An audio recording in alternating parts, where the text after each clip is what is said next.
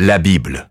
De ce livre à succès, Plantin détient aussi une grande part de marché au XVIe siècle.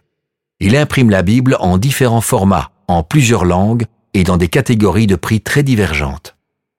Ceci est visiblement une édition luxueuse, la prestigieuse Biblia Sacra de 1583, le fruit de trois années de travail. Elle contient 94 gravures de la main des meilleurs artistes flamands, mais que Plantin a déjà utilisées précédemment. Ce recyclage réduit les coûts et augmente le bénéfice. Pour cet ouvrage, il reçoit des aides financières de la Cour d'Espagne. Ces Bibles de luxe, surtout achetées par des églises, représentent un succès commercial européen.